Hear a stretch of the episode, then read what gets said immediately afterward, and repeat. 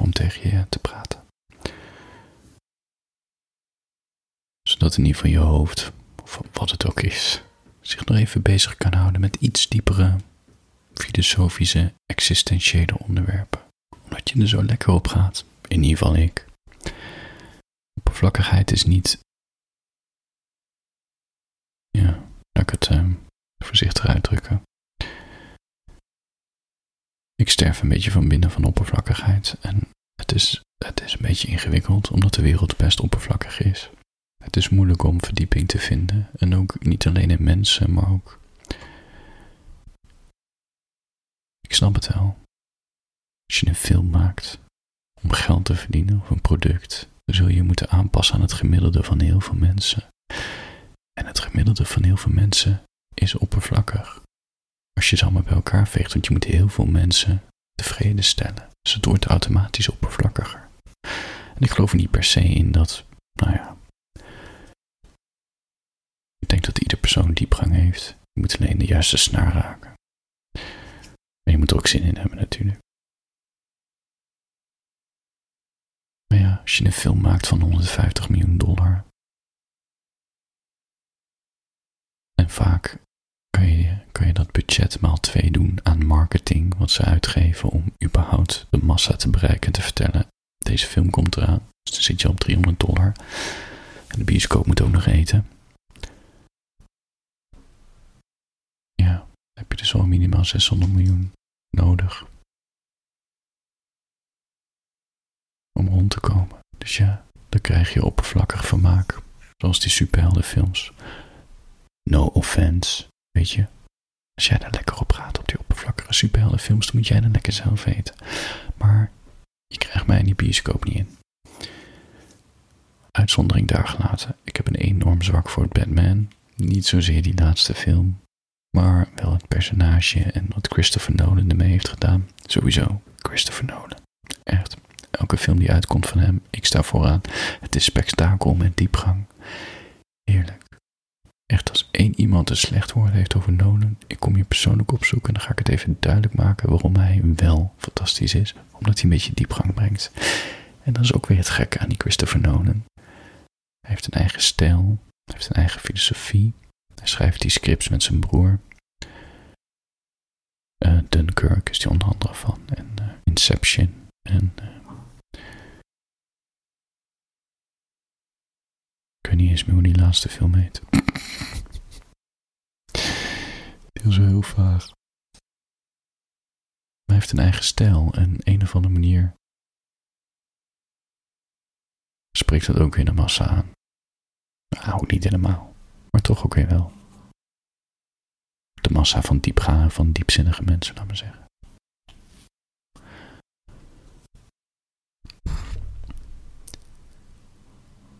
Is ook trouwens helemaal niks met, mis met oppervlakkigheid, maar weet je, als je het als iemand, als je het, als je het op, op oké, ik het zo zeggen. Als je graag naar de McDonald's gaat, kun je toch wel afvragen wat er mis is met je smaak.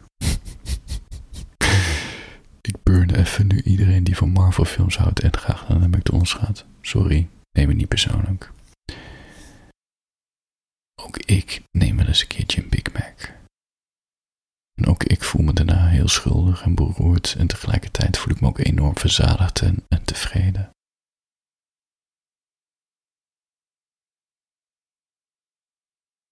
Het is wel jammer ik heb nu natuurlijk een beetje voor de gek. Ik snap ook wel hoe de entertainmentindustrie werkt. En ook als je een succesvolle restaurant, franchise wil opbouwen wereldwijd, dat je dan een McDonald's krijgt.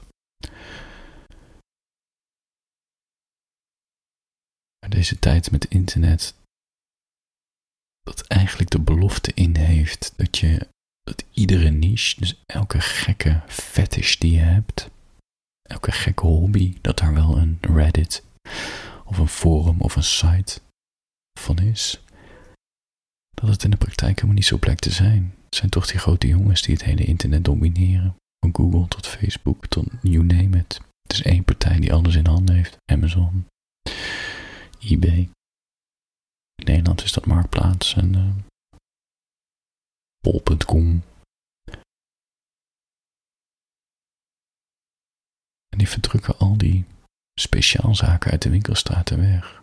En dit is niet een nostalgie dat ik zeg dat al die speciaalzaken in leven gehouden moeten worden als ze geen klanten hebben. Ja, voor wie staan ze daar nog? Maar het is wel jammer. Het idee dat je gaat winkelen en dat je dan verrast kan worden van die grappige zaken. Een bepaalde stripwinkel of een hobbywinkel of een speciaalzaak in bepaalde cd's of platen of films, weet je. Dat je dan, uh, dan heb ik het niet over de free record shop, bestaat al niet meer, maar dat je zo'n hele speciale filmzaak binnenkwam met allemaal van die onafhankelijke films met, met Christopher Nolan en zo. Nee, maar het is gewoon jammer. Diepgang. Je weet gewoon niet wat je mist. Want niemand gaat zoeken naar een speciaalzaak. Die moet je gewoon tegenkomen en dan verliefd worden en dan blijven terugkeren.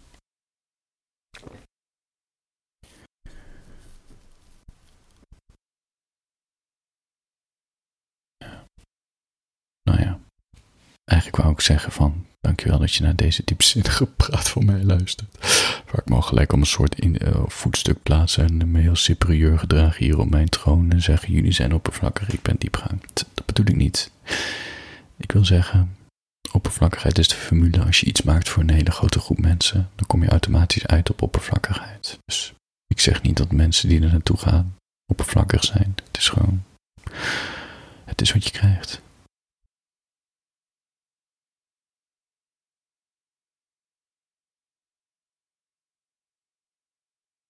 Jij bent niet oppervlakkig, want je luistert naar mij. En niet zo heel veel mensen luisteren naar mij. En laten we dat vooral zo houden. Dus, bij deze, met een diepzinnig, bijzonder persoon.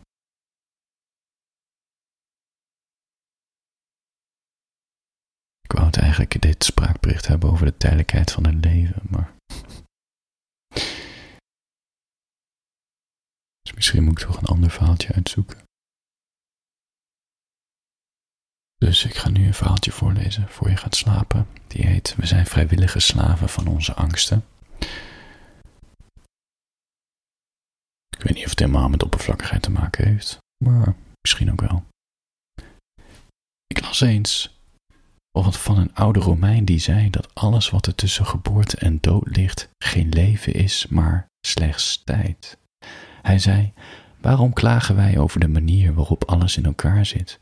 Waarom zijn we zo hebzuchtig, zo onverzadigbaar, zo veroordelend, zo bezeten van het idee van geld en winst?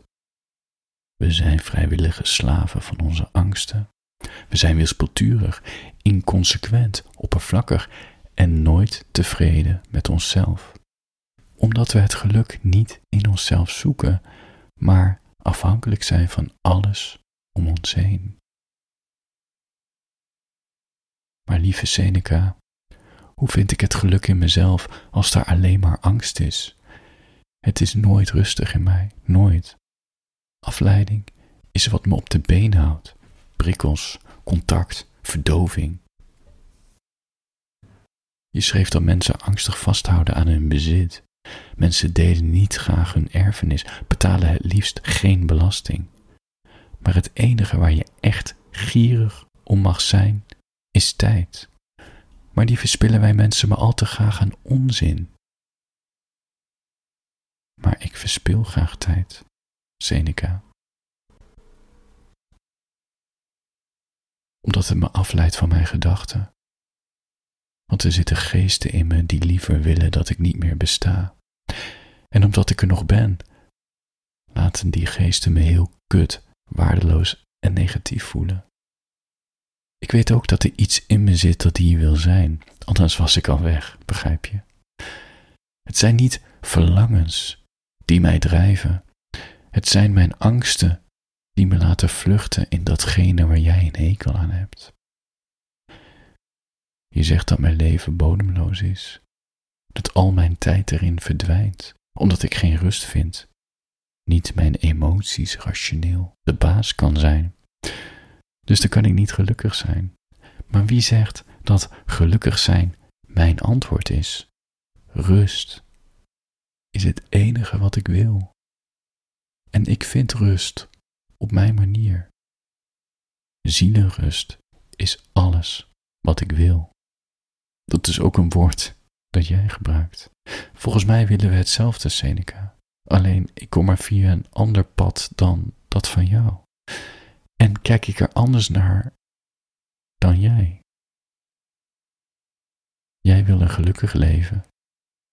Ik wil gewoon vrede in mij. Niets meer dan dat en dat is toch ook oké?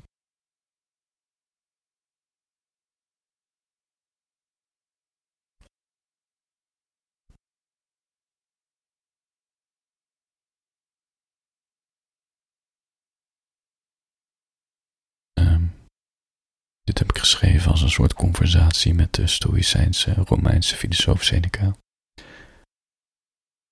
Die uh, pleit om vooral op jezelf te focussen.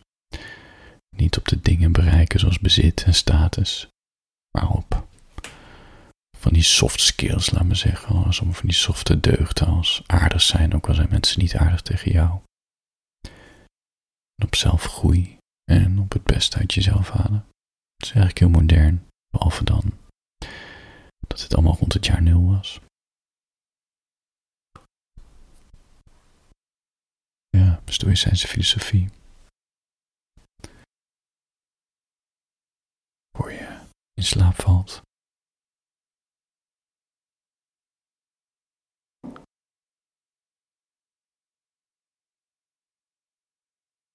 Zat ik nog even te denken aan oppervlakkigheid en diepgang.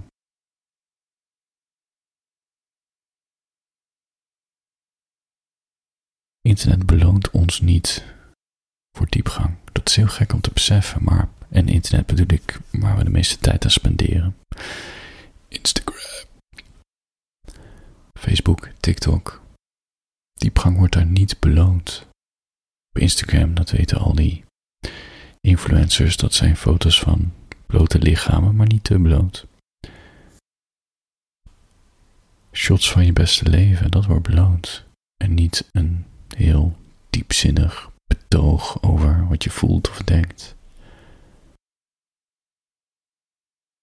Instagram is er ook niet voor de kunstenaars en de schilders.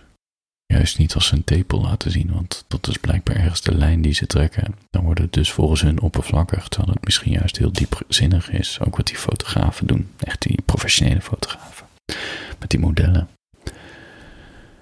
Die alleen maar gecensureerd worden. Social media beloont oppervlakkigheid. Omdat mensen daardoor langer in die app blijven hangen en dat we dan meer advertenties kunnen zien. En ik zeg niet dat we nu moeten spugen op dit soort bedrijven. Je probeert ook maar te overleven en zoveel mogelijk geld uit de advertentiemarkt te harken.